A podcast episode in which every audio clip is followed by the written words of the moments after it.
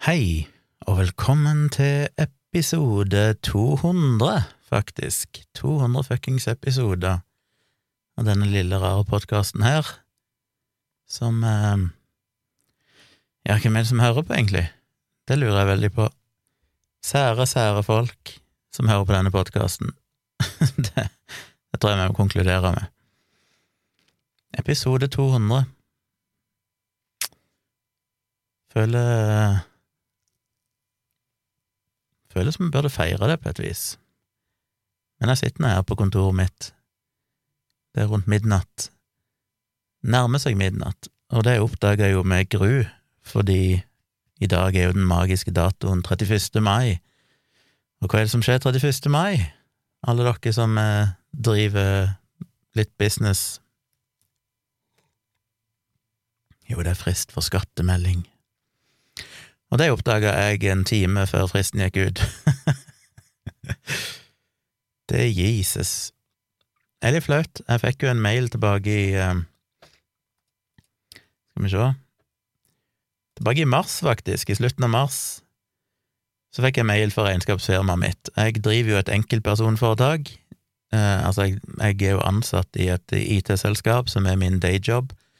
Men i tillegg så har jeg jo et lite enkeltpersonforetak for meg sjøl, bare så jeg har en plass å føre regnskap og inntekter og utgifter for det jeg driver på med podkast og, og eh, ja, fotooppdrag og boksalg og foredrag og sånne ting. Så jeg, jeg er jo helt fullstendig inkompetent når det gjelder regnskap. Jeg, jeg får helt sånn Jeg får aids og testikkelkreft og litt forskjellige greier, bare begynner å tenke på regnskap. Det er helt forferdelig. Jeg, jeg klarer ikke å håndtere det. En gang i mitt liv så prøvde jeg faktisk å fylle ut en selvangivelse eller skattemelding sjøl, for en jeg vet ikke hvor mange år siden det var, en seks, sju, åtte år siden. Det gikk veldig dårlig. Jeg tror aldri jeg har følt meg så dum før. Og jeg skjønte bare ingenting av hvor jeg skulle fylle inn ting i dette skjemaet på Altinn. Så det ga veldig fort opp. Jeg tror det var da jeg fant ut at shit, jeg må ha regnskapsfører. I mange år så hadde jeg jo en veldig traust og god regnskapsfører i han eh, som kjører, eller fører regnskapet for mitt uh, hoved-dayjob-firma, Finn AS, som det heter, som er et aksjeselskap. En gammel ringrev som har jobba med regnskap hele livet, jobba i skatteetaten og litt av hvert, så han kan alt om dette. Og han har alltid ført regnskapet for firmaet mitt i de 22 årene vi har holdt på. Og en periode så førte han òg da regnskap for meg privat, eller for enkeltpersonforetaket mitt, og fiksa selvangivelsen min og sånn privat. Og det var veldig greit, for det han bare fiksa ting. Det var liksom ikke noe big deal, han, det var bare å sende over ting til han, og så ble det gjort. Eh, men så var han litt sånn, litt sånn gammeldags. Han har vel sånn opprinnelig mye ført regnskap for landbruket, for bønder, så han har brukt et program som heter agroøkonomi, og det bruker han vel fortsatt. Nå har han vel oppgradert de siste par-tre årene til at han kjører det via en terminalserver i en litt nyere versjon, så det blir hosta hos en eller annen leverandør. Men fram til da så hadde han jo et sånt program installert som i alle årene jeg hjalp han med data, og han hjalp meg med regnskap så var det jo et evig styr å liksom oppgradere dette her programmet, for det, det var litt sånn magi. Det var basically et slags DOS-program omtrent som kjørte i Windows eh, i mange år, og det var alltid styr, stress, å få det til å virke. Men han måtte ha alt eh, manuelt, så alle bilag, alle kvitteringer jeg hadde på utgifter og alle fakturaer og sånn, det måtte jeg levere til han på papir.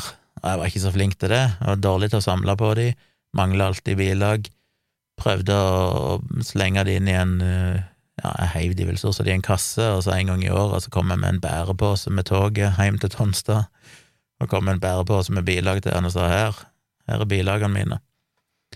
Han var ikke så fornøyd med det, forståelig nok, det var jo ikke verdens enkleste jobb for han å skjønne hva alt dette her var. Og jeg vil helst gjøre det digitalt, jeg vil ha muligheten til å bare fikse bilagene, skanne de, ta bilder av de, et eller annet sånt. Um, det hadde jeg vel kunnet gjort nå, for han er blitt litt mer moderne, men i den tida så måtte han ha det på papir. Så da fant jeg ut at jeg slutter å bruke han, og så finner jeg heller et regnskapsfirma som kan gjøre dette online. Så fant jeg vel ut at jeg ville bruke fiken til, som regnskapsprogram, som er et sånn nettbasert regnskapsprogram. Men jeg, og der kan jeg føre alle bilagene mine og sånn, veldig greit, men jeg turte ikke å ta sjansen på å fikse selve skattemeldinger og næringsoppgaver og sånne ting sjøl, så jeg eh, googla og søkte etter regnskapsfirma som støtter fiken. Fikk opp en del, sendte mail til en håndfull bedrifter, fikk bare svar ifra én av de, og den gikk jeg for. Og det var noen som i den tid kalte seg for Regnskapsjentene, som jeg tror var to godt voksne, for å si det forsiktig, dame, som ikke var veldig jentete av seg, men veldig hyggelig. Og jeg hadde møte med henne et par ganger, og det var veldig greit liksom å kunne stille henne spørsmål, og hun hjalp meg litt og sånn, og, og de fiksa dette her for meg. Og så tror jeg de ble kjøpt opp av et annet selskap, så nå er det et annet firma jeg bruker på Sørlandet, som fortsatt samme firma, jeg på å si, de bare eid av et større firma nå, og de gjør det for meg. Og det er jeg jo glad for. Men de har jo blingsa et par ganger, og nå eh, oppdaga jeg jo at jeg fikk jo denne skattemeldinga Han sendte jo dette til meg 27. mars, så fikk jeg en mail fra dette regnskapsfirmaet der de sa at eh, her er utkast til skattemelding og årsregnskap for 2020, og jeg kunne se på det og gi tilbakemelding hvis det var noen endringer og ting som mangla, et eller annet sånt. Og når jeg får en sånn mail, så er det bare så, så åpner jeg vedleggeren, og så begynner jeg å blø ut av øynene. Det bare strirende blod. Fordi jeg skjønner ingenting av det. Jeg får litt angst og litt panikk og tenker sånn at dette her klarer ikke jeg å forholde meg til. Så jeg har jo bare latt den mailen ligge. Han skrev jo egentlig bare at hvis det var noen endringer jeg trengte, så kunne jeg gi tilbakemelding. Så skulle han legge dette, sende dette inn til Altinn, og da var det bare for meg å gå inn og signere det. Det oppdaga jeg jo plutselig nå, en time før fristen går ut, og i full panikk så logga jeg inn på Altinn, gikk inn og så, der lå det Først gikk jeg på min private, nei, på enkeltpersonforetaket sin konto på Altinn, der lå det ingenting. Så tenkte jeg jeg må sjekke min private, da, og der lå det en sånn post at med frist 31. mai. At uh, sånn skjema, RF 1030 eller et eller annet sånt, Klikka meg inn på den, tenkte ja, dette er jo greit, der ligger den, da er det bare å klikke seg inn på den og krysse av for at jeg er signert, og sende inn, så er alt gull. Men nei da.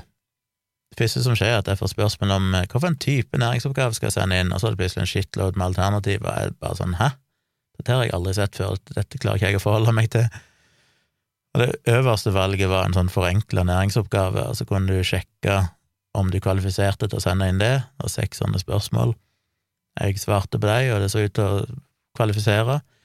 Men så begynte han jo å spørre om tall og, og alt mulig sånn. Tenkte det her er jo ikke riktig, jeg skal ikke fylle inn noe tall, jeg skal jo bare signere, dette skal jo være ferdig utfylt fra regnskapsføreren min. Så jeg fikk panikk og bare avbrøt hele prosessen og gikk tilbake igjen til innboksen min på Altinn, klikka på posten på nytt, og da kom jeg plutselig inn på et halvveis ferdig utfylt uh, skattemeldingsskjema, som da har tallene som staten eller skatteetaten allerede kjenner til pluss at du kunne gå inn på næringsoppgave, men den var jo helt tom, for det må fylles ut manuelt, og da bare tenkte jeg nei, dette her er galt, dette er ikke sånn som det skal være, hva gjør jeg nå?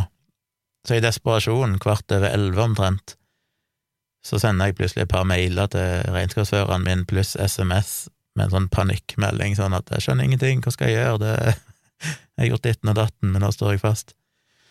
Heldigvis så svarte han meg jo en sånn ti minutter seinere og de er vel klok av skade, disse stakkars regnskapsførerne, og sitter sikkert på vakt når det er siste frist for innsending. Heldigvis så svarte han at han hadde glemt å legge dette inn, han trodde han hadde sendt inn til Altinn, men det hadde han tydeligvis ikke gjort, men det skulle han fikse i morgen. Og det er andre gang dette skjer. Første gang var jo, da oppdaga det jo, vet ikke hvor lang tid det var, tre år siden eller sånn, to eller tre år siden. Plutselig så tenkte jeg shit, var det ikke frist for skattemelding, jeg har ikke hørt noe mer. Gikk inn og sjekka, og så viser seg at der lå det ingenting, og så kontakta regnskapsføreren, og så oi, hun hadde visst glemt å sende det inn. Så gjorde det, og så fikk jeg vel noen kroner i sånn uh, gebyr fordi at jeg hadde levert for seint. Som var litt sånn rart, for det var ikke noe unnskyldning eller noen ting for henne, det var liksom bare sånn ja, ja, hun hadde vært litt travel, så hadde jeg glemt det vekk, men det er sånn uh, hva er det jeg betaler dere for?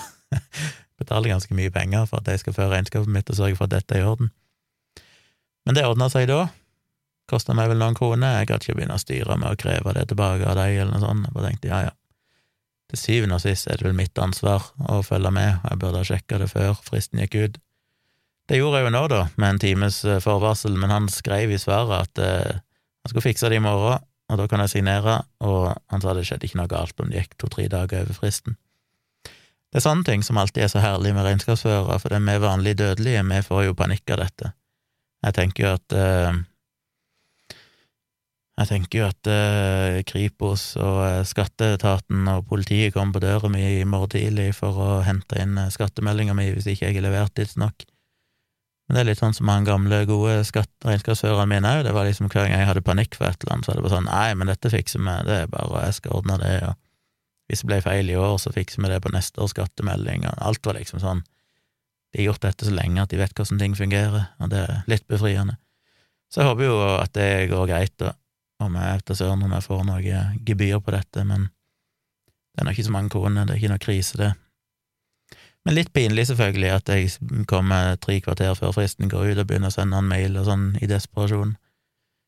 Men jeg satser på at det ordner seg, og da hadde jeg ikke gjort noe galt sjøl, iallfall. Nå, nå må man jo bare nullstille det greiene jeg drev og klatta med der inne, for nå ligger det jo en sånn halvveis utfylt skattemelding, men jeg regner vel med at de har kontrollen på det. Så det var min lille skrekkopplevelse nå, rett før jeg skulle spille inn podkast. Og hvis du hører dette, og plutselig det går kaldt nedover ryggen din fordi du sjøl har glemt det, så kanskje det er en mager trøst i at det, det kan gå to–tre dager over frist uten at det er krise. Og worst case så er det ikke så all verdens mange kroner det koster i gebyr å måtte betale for forsinkelse. Men det er episode 200, 31. mai, skrekkens dag. Um, hva er det å si om denne dagen? Det var veldig varmt. Igjen. Jeg sittet der og jobba på mitt kontor. Jeg har liksom eh, to måter å overleve på. Det er vifteovn, og det er sånne kjølevifter.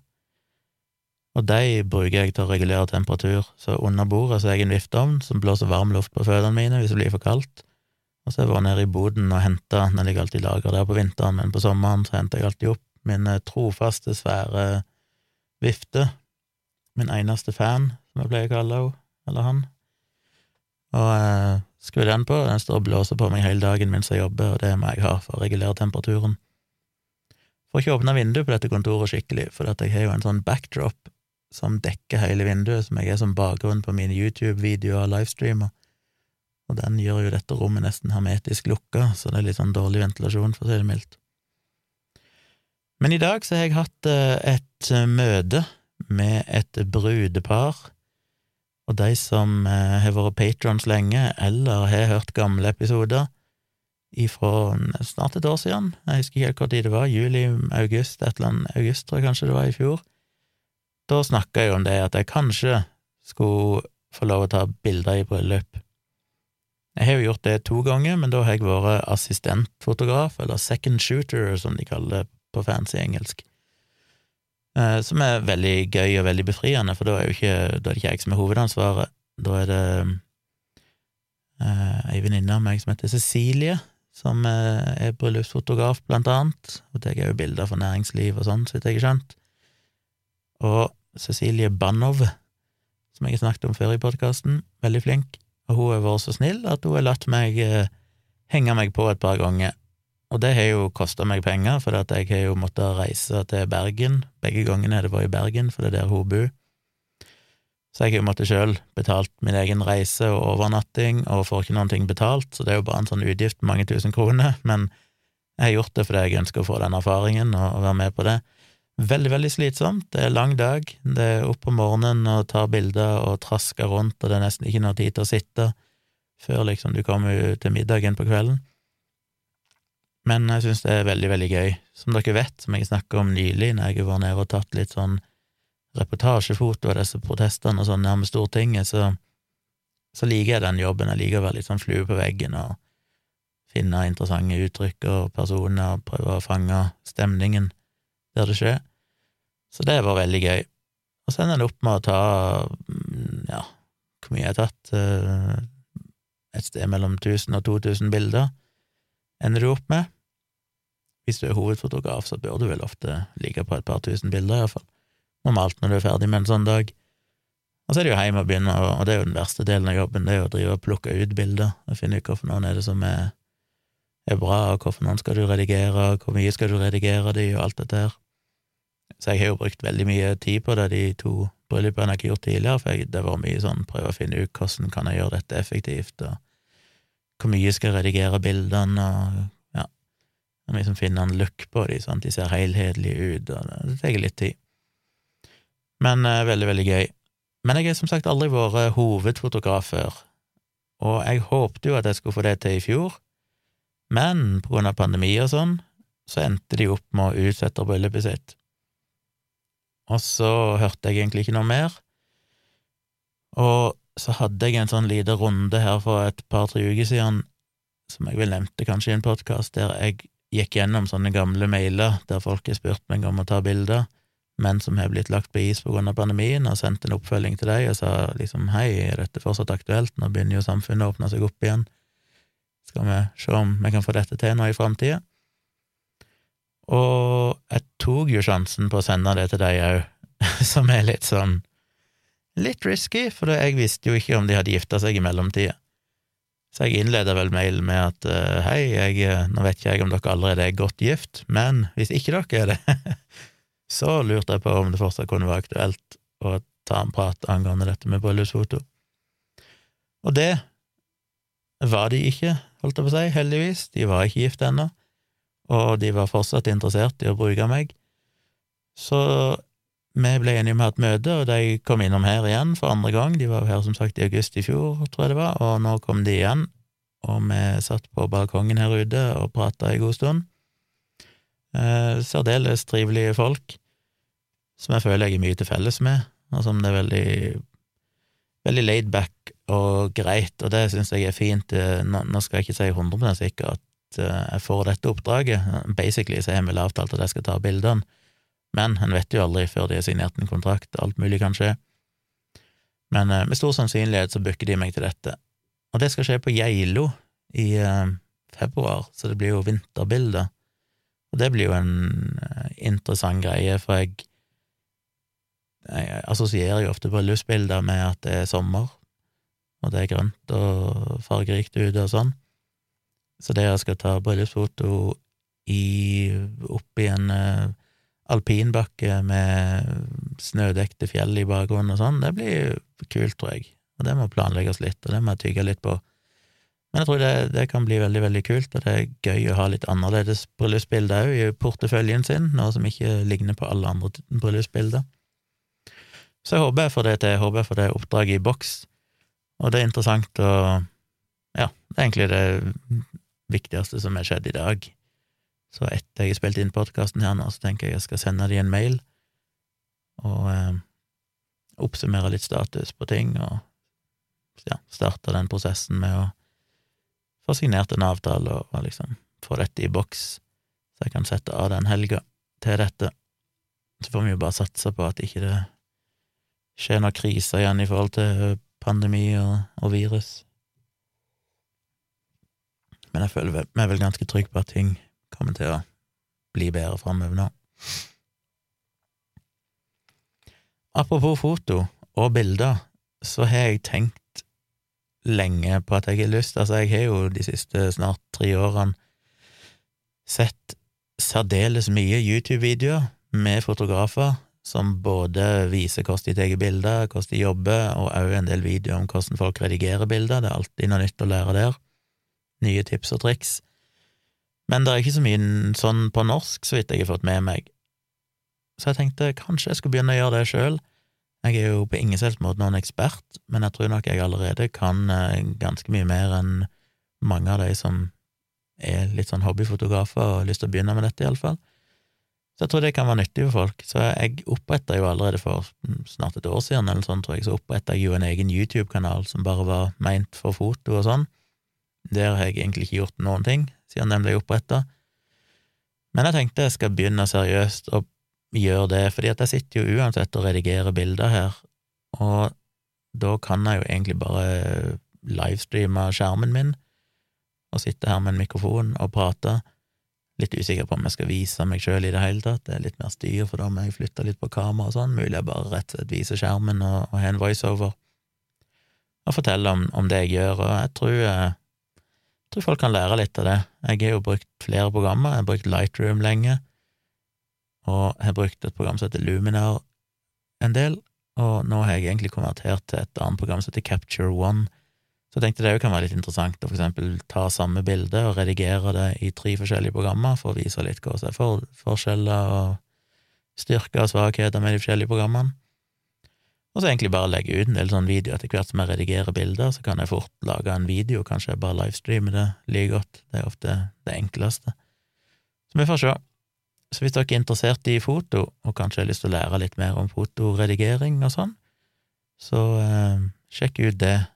Akkurat nå så har YouTube-kanalen min et litt sånn kronglete navn, for jeg tror jeg tenkte litt større, så nå heter den vel eh, fotografi, video og lyd. Men jeg tror jeg skal endre den til å bare hete Tjomli foto, for det er det jeg kaller den fotobusinessen min. Så hvis dere etter hvert søker opp Tjomli foto på YouTube, så kan dere jo abonnere på den kanalen, og så får vi dere livestreams hvis det er interessant etter hvert, eller videoer som jeg legger ut der. Og det syns jeg er litt gøy, og kanskje nyttig for andre.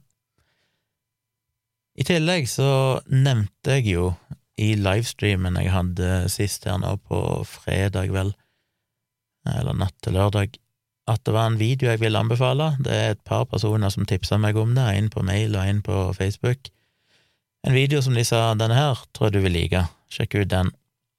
En video om vaksiner. Og jeg var litt sånn skeptisk med en gang når jeg så at det var en video om vaksiner, for det er litt sånn arr, fort gjort å bli redd for at er sånn, skal bli irritert på denne videoen, nå kommer de til å kommer de til å Altså, jeg skjønte jo at det var pro-vaksine, men jeg var litt redd at det ble litt sånn at jeg følte alt dette her jeg skrevet om i 15 år, og trenger jeg egentlig å se dette på nytt. Men jeg ga det en sjanse. Litt sånn overraska meg i gang av stilen, for jeg tenkte sånn shit, hva er det for noe? Men videoen heter Vaccines A Measured Response laga av en eller annen dude, eller en kanal, som kaller seg for H-Bomber Guy. H-Bomber Guy. Kjenner ikke til fyren sjøl, men særdeles dyktig, og veldig, veldig underholdende. Det er en lang video som varer i én time og er det, tre kvarter omtrent, så det er jo basically en spillefilm, men han føles mye raskere når du ser han, for han er så underholdende hele veien. Det, er, det er veldig mye sånn fjas og tull og, og humor innimellom, men så er det jo avbrutt av de seriøse tingene. Og det som var kult med videoen, var at det var ikke en video som bare tar for seg liksom argumenter eller å motargumentere antivaksinepåstander og sånn, men det var en video som i sin helhet var dedikert egentlig til Andrew Wakefield-saken. Altså Wakefield, som basically kan kalles moderne vaksinemotstandsfar som i 98 publiserte en studie som visstnok da skulle vise at det kunne være en sammenheng mellom MMR-vaksinen og autisme og noen sånne tarmproblemer. Så eh, det var jo litt interessant, fordi jeg kjenner jo selvfølgelig Wakefield-saken, og har til og med skrevet om han i, nevnt han flere ganger i blogg, og jeg skrevet om han i placebo-defekten og sånn, men jeg har jo aldri satt meg sånn skikkelig inn i saken, faktisk. Jeg har jo bare lest artikler om det og sånn, og visste hva, hva det gikk i, men ikke egentlig, som jeg vel egentlig burde gjort, sånn virkelig grav meg ned i det. Litt fordi at selv om det er veldig høyst relevant for alt det jeg drev med med vaksiner og sånn, så var det jo en sak som skjedde for 20 år siden, og jeg visste sånn grovt sett hva det handler om, så jeg ikke stressa så mye med det. Men det er definitivt verdt å få med seg dette så jeg skal jo selvfølgelig lenke til den videoen i eh, shownotes eh, under podkasten. Jeg vil virkelig anbefale at du setter av en time og tre kvarter til å se den videoen. Den er veldig underholdende, veldig enkel å forstå, morsom, lærerik og tar deg gjennom hele greia, hele Wakefield-saken, på en måte som gjør at du bare tenker shit, dette her er jo bare Dette er villere enn det jeg trodde det var. Og det var jo det jeg òg tenkte, egentlig. Jeg visste jo litt om hva det handla om, som sagt, i grove trekk, men jeg visste jo ikke hvor ekstremt absurd det var når du virkelig begynte å dykke ned i den saken. Og som jeg vel nevnte i livestreamen, så er dette faktisk en av de veldig, veldig få videoene jeg har en Skal være optimist, så har jeg en tro på at du kan faktisk være vaksinemotstander, og hvis du er villig til å se hele videoen, så skal det godt gjøres at du etterpå kan hevde at Wakefield hadde sitt på det rene, og ja, at han var en fyr å stole på. Og når du ser hvor shady hele den greia med han er, og at det har dannet mye av fundamentet for moderne vaksinemotstand, så kan det jo være at det gir en liten rift i eh, antivaksinetruet til enkelte folk.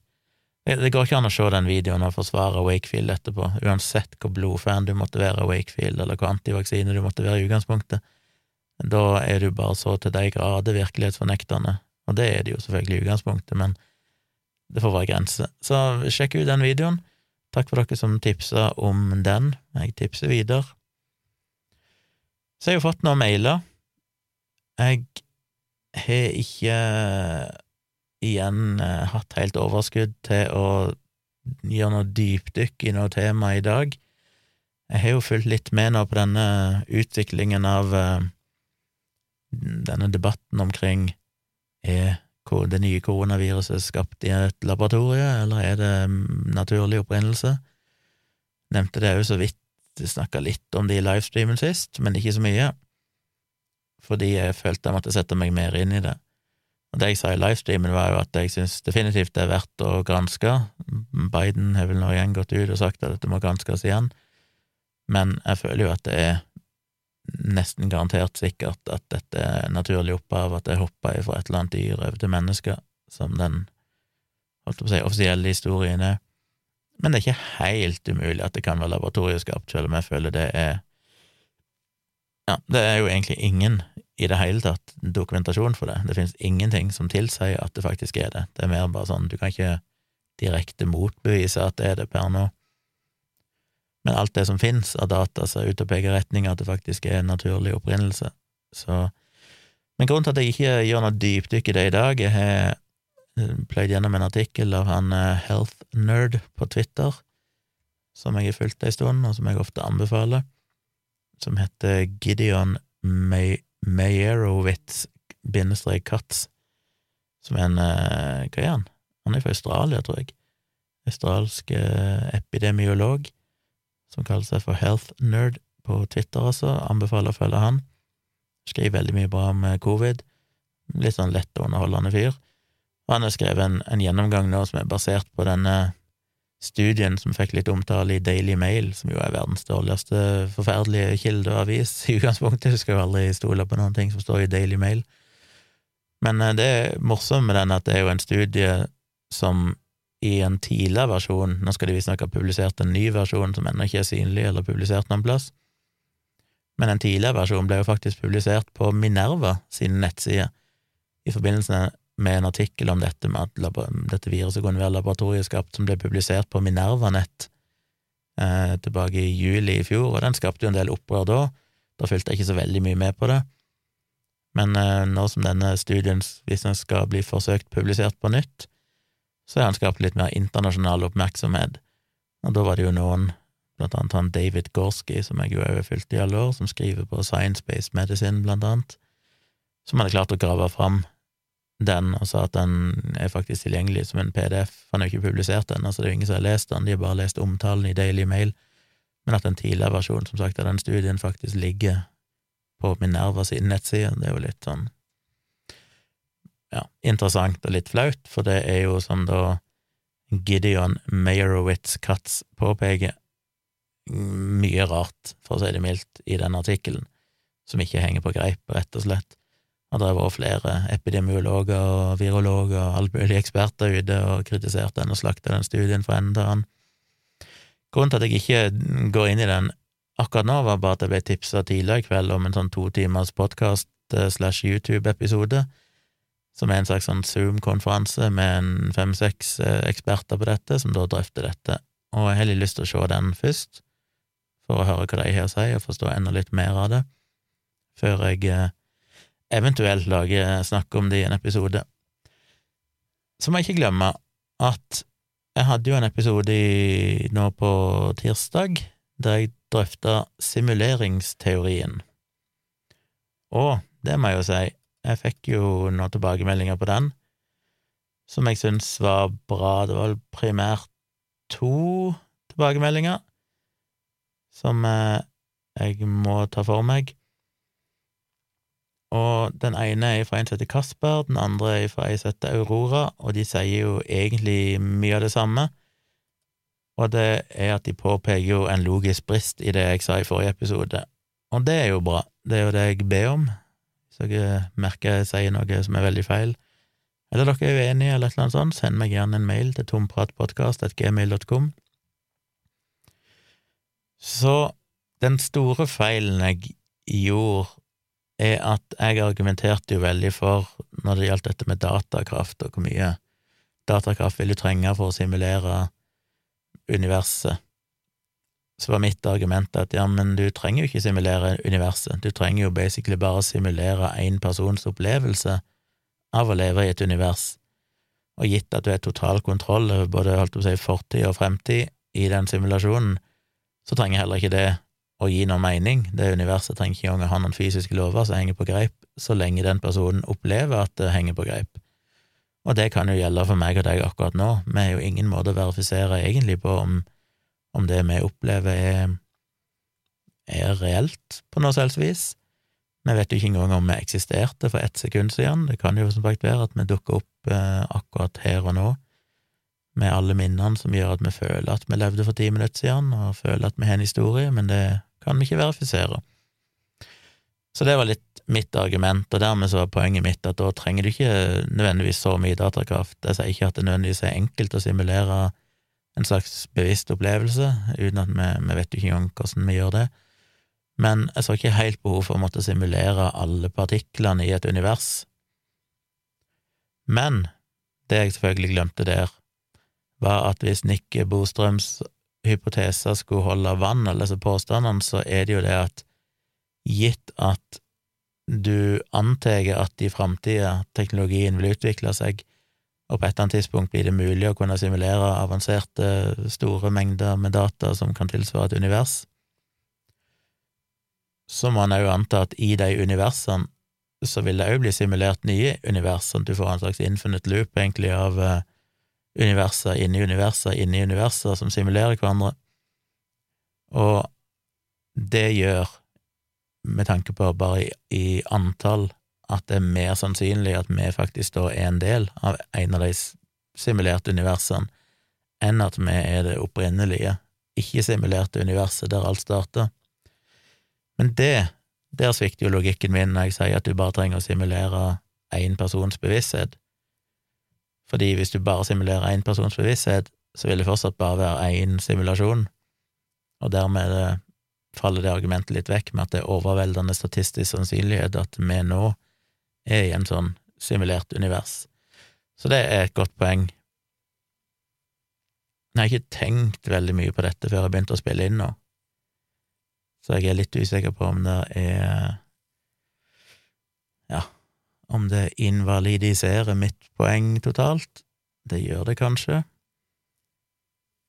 Eller kan du, simulere én bevissthet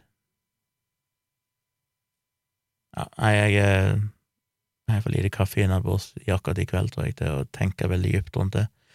Men det er iallfall et innspill som er viktig å ta med seg. Eh, og det var vel egentlig det den mailen til Kasper handla om. Han skriver òg at uh, Ja, nei, det er egentlig det mailen hans handler om. Så godt poeng, Kasper. Og Aurora skriver litt om det samme. Og hun trekker inn et par andre ting og skriver at, skriver at, hvis vi lever i en simulering hvor vi alle er bevisste individer, altså en simulering som er ganske lik slik vi oppfatter verden, så må vi ta stilling til det ondes problem. Da finnes opplevelsen av sult, sykdom, sorg og smerte i simuleringen, men hvorfor skulle noen ville lage en så lidelsesfull simulering? Det er så klart mulig at sivilisasjonen i framtida er helt amoralsk og ikke bryr seg om lidelse, men da må kanskje det med i vurderingen, altså sannsynligheten for at sivilisasjonen bryr seg om lidelse eller ikke bryr seg. Og det er jeg litt usikker på hvor relevant det argumentet er, fordi jeg tenker jo at litt av premisset her er at, det er, at det kan være vår egen sivilisasjon, som altså da for eksempel tusen år i framtida simulerer hele sin fortid, simulerer hele verdens historie, Og så lenge det fins lidelse i verden, i den opprinnelige verden, liksom level one, eller level zero, kanskje, verdenen der alt starter, så vil det være naturlig at det òg vil eksistere i simuleringene, fordi de simulerer sin egen historie. Og hvis det er det som er hensikten, at du ønsker å replaye historien, så vil jo det være naturlig at all den lidelsen og sånn følger med. Så blir jo spørsmålet hvorfor skulle noen ville det? Skulle det være noe poeng å bare simulere historien sånn som den har vært? Eh, det klarer jeg vel ikke helt å se, kanskje, anten at hvis poenget er at du ønsker å At du tar utgangspunktet i en sånn total determinisme, at hvis du bare kjenner utgangsposisjonen og Eller du kjenner ja, de forholdene som var til i det på et eller annet gitt tidspunkt tidlig i universets historie, så ville alt via fysikkens lover spille seg ut akkurat på likt en gang til som de gjorde i det universet som vi har gjennomlevd, eller den historien vi har gjennomlevd, at du da kan gå inn og se forskjellige steder i historien. Hvem var det, var det Hva var det som skjøt uh, John F. Kennedy? Hva var det egentlig som skjedde med Marilyn Monroe? Uh, hvordan var det egentlig som skjedde, eksisterte det en Jesus? Hva var det som skjedde i livet hans? Hvis du kan simulere en nøyaktig kopi av det som er skjedd, så kan du jo gå inn hvor som helst og faktisk se alt som skjedde, som jo er selvfølgelig grovt uetisk. Det vil si at noen kan gå inn og se alt jeg har gjort, hver gang jeg er onanert eller gjort et eller annet uh, shady business, uh, enn det måtte være. Uh, det syns jeg er så kult. Det er jo en sånn skikkelig religiøs greie at Gud ser deg. Det kan jo være hvis jeg er del av en simulasjon nå, så er det folk som sitter og og følger med på meg hver gang jeg gjør et eller annet som jeg helst vil gjøre i, i det private, i min private sfære. Så det kan dere jo tenke litt på. Det er litt sånn utrivelig med hele simuleringsteorien, at vi blir observert. Det er basically en slags gud der ute, bare at det er oss sjøl i framtida som ser tilbake på en simulering av oss sjøl. Ganske så kjipt, så jeg lurer på hvem som har tilgang til de dataene. Jeg er litt usikker på om simuleringsteorien er i henhold til GDPR og personvernrettigheter. Eh, apropos det jeg snakket om med fotografi og sånn, dette er jo ekstremversjonen av det, publisere noens foto på nett, og at noen tydeligvis kan da se alt jeg har gjort i hele mitt liv i denne simulasjonen, simuleringa. Hvem har tilgang til de dataene? Hvem er det som kan se dette? Er det noe de sitter og viser på TV i framtida, og bare sitter og koser seg og ler av alt? Gudene vet. Men eh, så jeg tenker jo òg at skal du først kjøre en sånn simulering på nytt, så måtte jo kanskje, ja, som nå sa vel egentlig en god grunn til å simulere virkeligheten akkurat sånn som den har vært, men jeg ville jo tro det var mer interessant å kanskje simulere alternative scenarioer. Hva ville skjedd hvis um, Hitler hadde vunnet andre verdenskrig? Hva ville skjedd hvis uh, ditten og datten skjedde i fortida? Hvordan ville framtida spilt seg ut da? Og da begynner vi å snakke om uendelig mange forskjellige simulasjoner mange veier det kan gå. Så Ondes problem, litt usikker. Jeg tenker vel kanskje òg at jeg tror ikke nødvendigvis en trenger å være amoralsk i framtida for å ville gjenskape en historie med alle, all lidelse og, og jævelskap som har skjedd i verdenshistorien. Fordi A, jeg tror en vil tenke at dette er jo bare en simulering, det er jo ikke ekte som jo åpner opp en hel eh, boks med filosofiske spørsmål i seg sjøl. Hva betyr det å være ekte? Jeg mener, hvis vi er en del av en simulasjon, så føles det jo definitivt ekte ut for oss. Vi har hatt sorg og glede og, og smerte og lidelse. Om det bare er simulert eller ikke, så er det kanskje like verdifullt. Det, det får en jo til å tenke litt over hva er egentlig menneskeverd i utgangspunktet. For det hvis du kan simulere oss, og selv om vi da kanskje skulle være i det level zero-universet, der som ikke er simulert, hva er egentlig forskjellen? Hvis du kan simulere oss, så er det jo egentlig ikke noe prinsipiell forskjell på det opprinnelige i gåsehudet ekte universet og de simulerte universene. Det er jo fortsatt bare elementærpartikler som følger de fysiske lovene, og den bevisstheten vi innbiller oss at vi har, med lidelse og glede og alt dette her, er den vesensforskjellig fra om man var simulert? Kan vi si at en simulert bevissthet ikke er ekte, på en måte? Og hvis vi sier det, hvorfor er vår bevissthet ekte?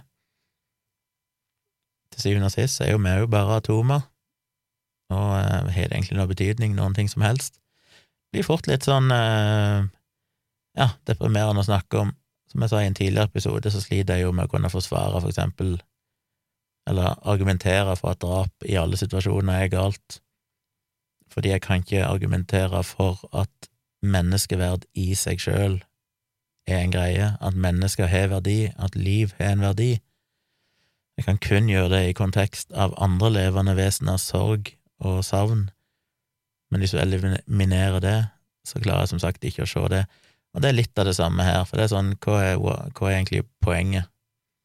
Hvorfor, hvorfor har det en verdi at vi eksisterer, at vi kan føle smerte og glede og alt dette her, hvis det er uavhengig av effekten det er på folk rundt dere? Så det er jo en, en lang, det er jo en hundre episoders podkastserie bare å diskutere det. Hun skriver videre, hvis ikke førstnevnte er sant, eh, men det bare er du eller noen få av menneskene vi ser som er bevisste, så faller vel sannsynlighetsargumentet bort. Ja, så det var det samme som Kasper skrev. Eh, og det er vel det resten av mailen hennes handler om. Ja. Så interessant diskusjon. Jeg håper dere syns det var interessant. Det er fortsatt mulig å sende tilbakemeldinger på det hvis dere har tanker rundt simuleringsteorien.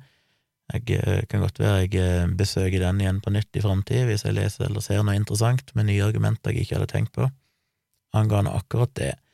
Men jeg bomma nok iallfall litt på, selv om jeg mener at ja, jeg føler det er noe der allikevel, altså selv om du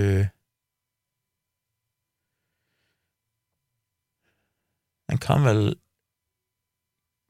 havne på en sånn mellomting mellom at du mens jeg mente at du bare trenger å simulere min bevissthet for at jeg skal føle jeg eksisterer, for det om dere andre eksisterer, er jo totalt irrelevant så lenge jeg har en opplevelse av at dere gjør det i hjernen min. Og det andre ekstreme ytterpunktet er at du simulerer hele universet med absolutt alle partikler. Så er det vel en slags mellomting at du kan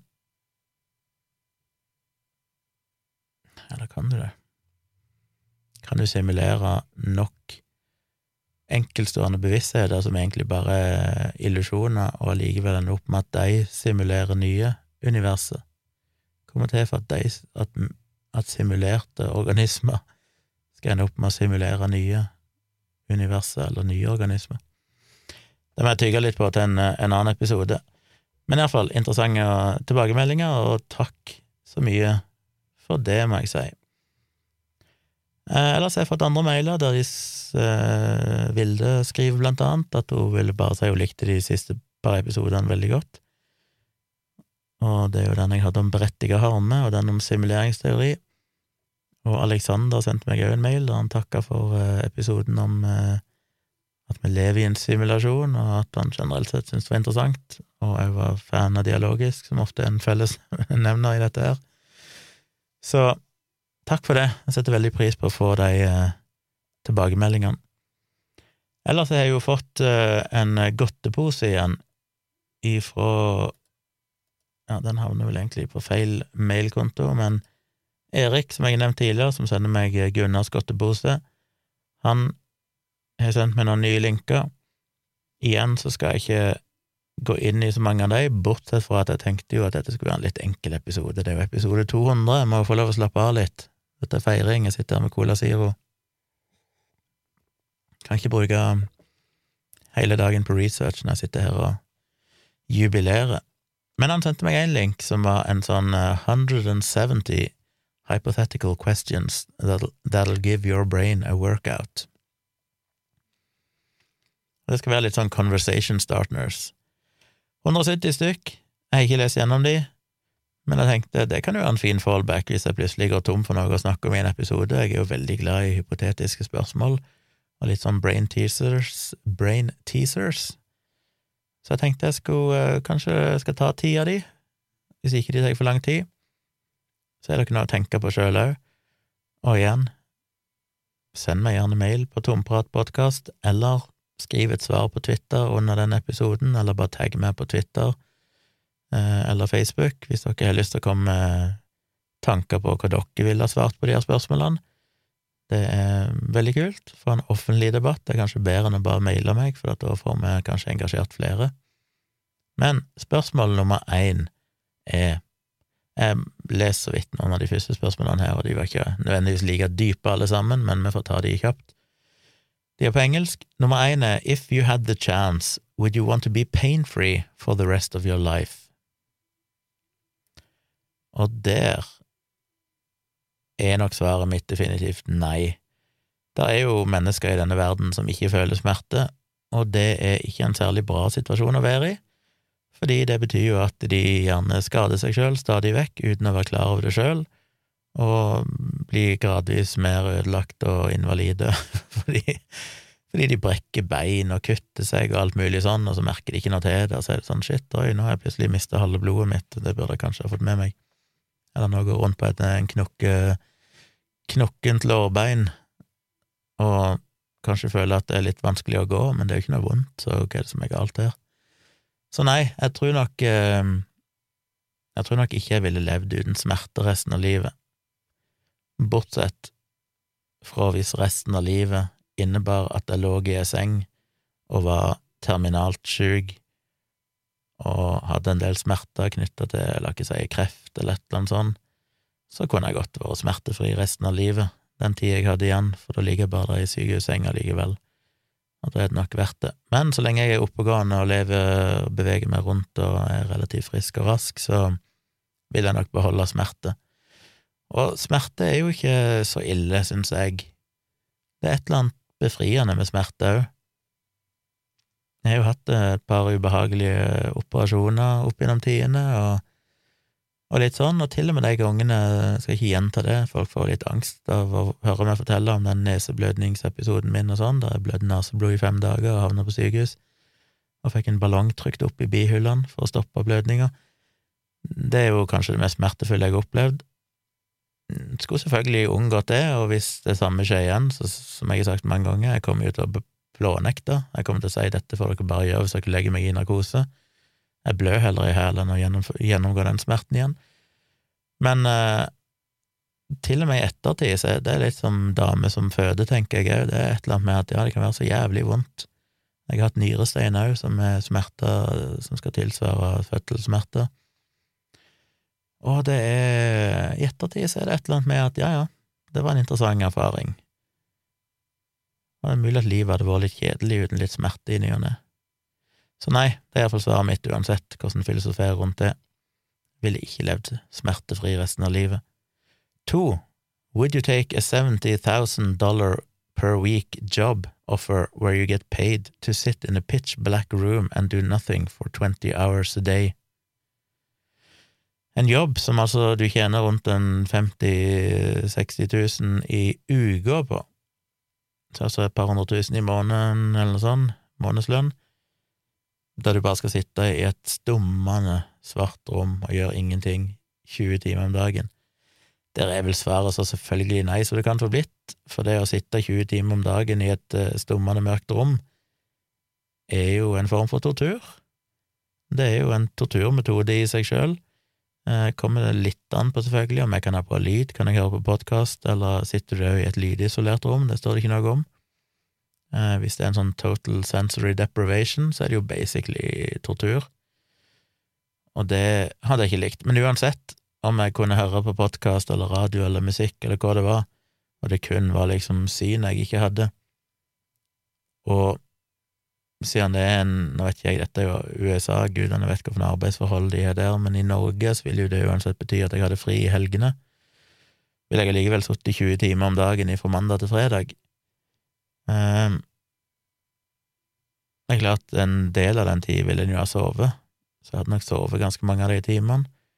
Og så hadde det vært noen timer jeg var våken i mørket, og så hadde jeg hatt eh, fire timer med der jeg kunne være ute i lys og liv og hatt en shitload med cash, pluss helgene. Jeg vet ikke om de mener sju dager i uka her, eller om de mener fem dager i uka, men, uh, men uansett, nei, det hadde vært altfor kjedelig. Jeg har så mye å drive med. Jeg vil lage podkast, jeg vil jobbe, jeg vil eh, lære ting, jeg vil se ting, lese, høre. Jeg vil få med meg livet. Og hvis penger var alt jeg ønska her i verden, så hadde jeg vel tatt meg en eh, godt, program, godt betalt programmeringsjobb i et eller annet IT-selskap, eller noe sånt. Men det har jeg aldri gjort. Jeg har alltid drevet mitt eget firma, drevet med mine ting. Jeg har ikke blitt rik, men uh, syns det er mye mer trivelig. Så det er jo svaret er nei. Tre. What would I hear if I asked a group of people who know you for five adjectives to describe you? Og det spørsmålet går vel litt ut til dere. Hva, eh, hva for fem adjektiver beskriver meg best?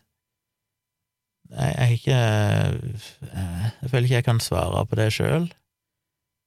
Eh, det er klart dere kjenner meg ikke sånn godt, noen av dere kjenner meg ganske godt, av dere som hører på. Mange av dere kjenner meg sånn indirekte, via at dere kanskje har hørt meg prate i hundrevis av timer i forskjellige sammenhenger og lest ting jeg har skrevet. Men er nysgjerrig på det, selvfølgelig. Hvilke fem adjektiver ville dere brukt? Svar meg på mail, eller skriv det på Twitter eller Facebook. Tagg meg, Instagram. Nysgjerrig på det. Fem adjektiver for å beskrive Gunnar Kjomli. Hvorfor noen fem adjektiver ville dere valgt? Jeg vet jo noen jeg håper folk ville brukt. Jeg vet jo definitivt mange jeg håper folk ikke ville brukt, men det er jeg nysgjerrig på. Så det blir ukens oppgave til dere lyttere. Fem adjektiver som skal beskrive meg. Fire. Which place on the planet would you never want to live, and why? Hvor på denne planeten vil jeg aldri ønske å bo, og hvorfor? Det er ganske mange plasser, det. Jeg vil ikke ønske å bo eh, plasser der det er krig og enorm utrygghet, og det er nok eh, mange plasser på denne kloden, dessverre. Jeg vil ikke likt å bo på eh, Antarktis, en del som er fristende med Antarktis. Jeg vet ikke om han hører på podkasten, men jeg fikk jo en melding på Facebook fra en som jobber der nede, og sendte meg litt bilder. Han jobber på en forskningsstasjon nede på Antarktis, og han sendte meg noen bilder og sånn, og det hørtes jo egentlig Det så jo idyllisk ut. Eh, fantastiske foto-opportunities. Men jo det å bare sitte avstengt fra omverdenen i noen måneder, og det er god internett og sånn der nede, og det i seg sjøl hadde jeg jo kunnet leve ganske godt med. Jeg er sikkert en av de menneskene på jorda som hadde klart meg relativt bra i en sånn setting. Men eh, det hadde jo vært veldig kaldt, og jeg er ikke noe glad i snø og kuldegrader og sånn, så det hadde ikke vært perfekt for meg å bo på Antarktis, selv om jeg kunne tenkt meg verre plass å bo, hvis jeg måtte valgt mellom å bo et år i eh, ja, hvor skal nå det være, et år i en eller annen by som er krigsherja, Eh, og fattig og et eller annet, med sviktende strømtilførsel, sviktende vanntilførsel, dårlig internett, eller bodd et år inne på en forskningsstasjon i Antarktis, så hadde jeg definitivt valgt Antarktis, selv om det kanskje var bare fire andre mennesker der, eller noe sånt. Det høres jo nesten litt sånn koselig ut. Det er ikke noe godt svar på det spørsmålet. Jeg kan ikke velge én plass der jeg absolutt ikke ville levd. Mange plasser. Fem. Which famous person's body would you take over if you were a zombie? Hm, en kjent person sin kropp som jeg skulle tatt over hvis jeg var en zombie. Det måtte Ja, hvem skulle det være? Hvem sin eh, berømt persons kropp?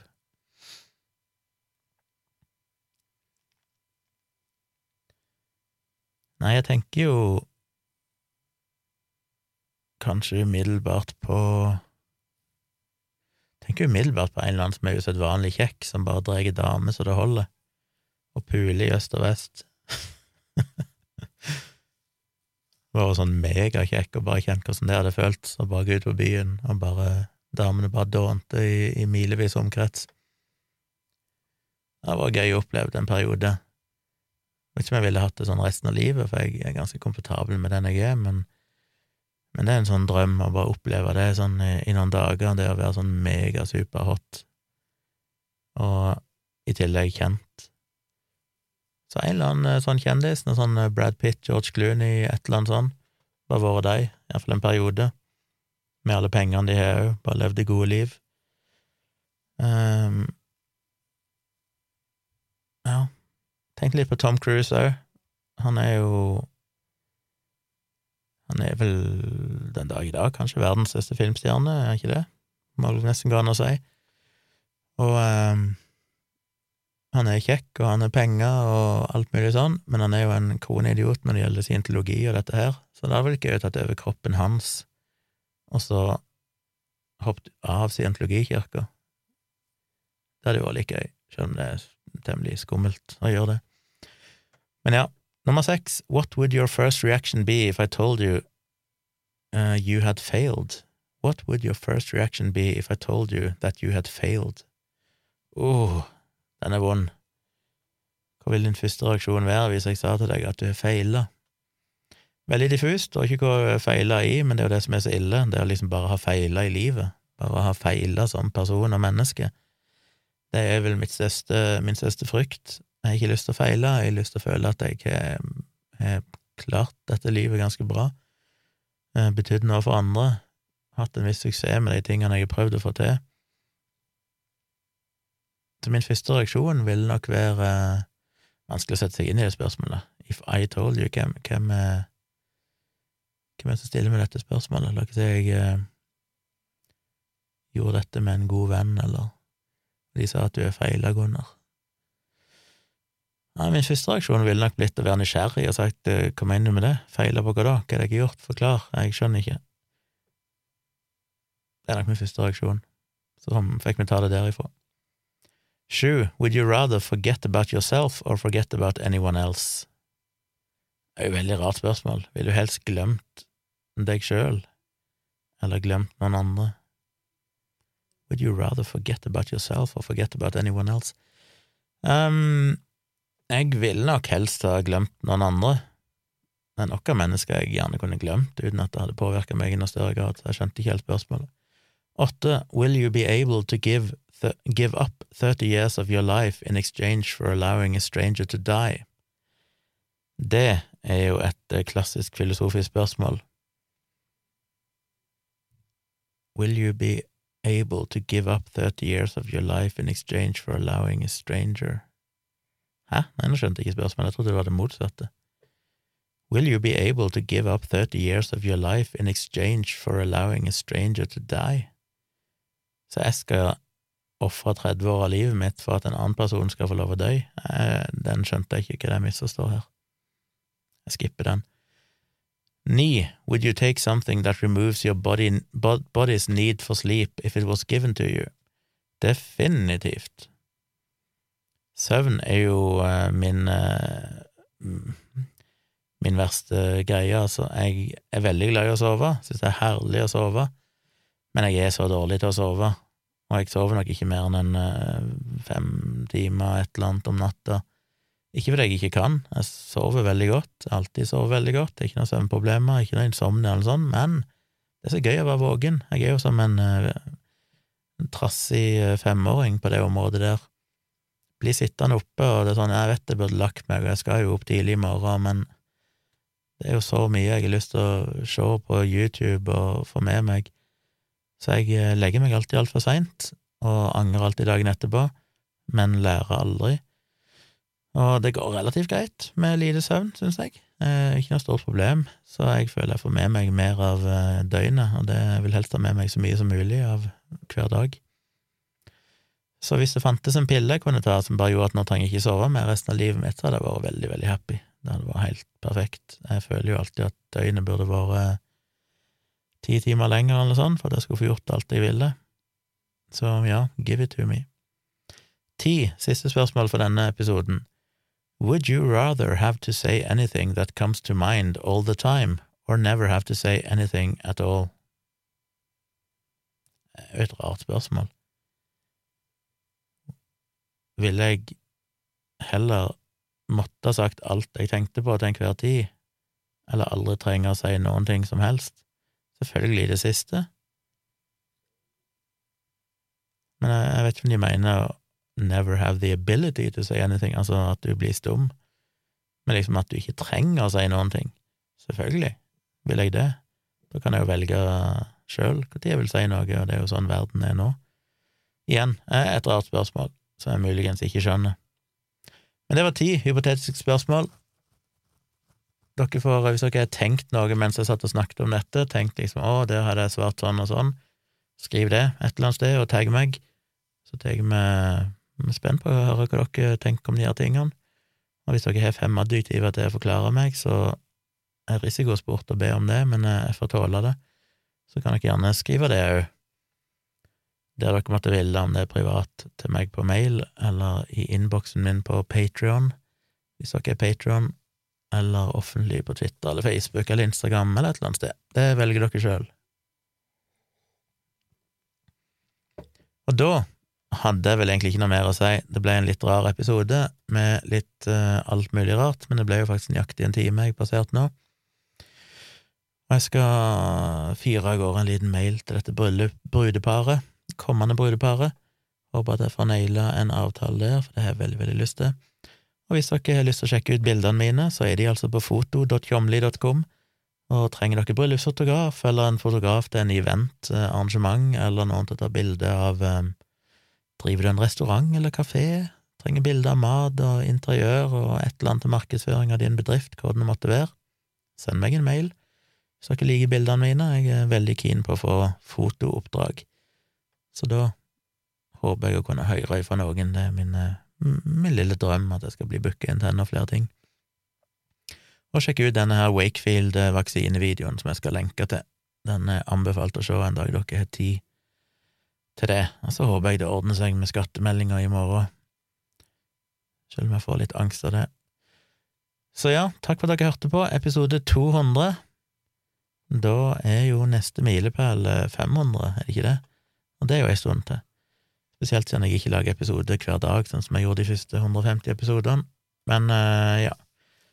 Støtt meg gjerne på Patron. Det har kommet noen nye patrons i det siste. Nå støtter jeg jo norske kroner, så det er veldig lett å forstå seg på prisen. Det står uh, enkelt og greit hvor mye det koster i norske kroner.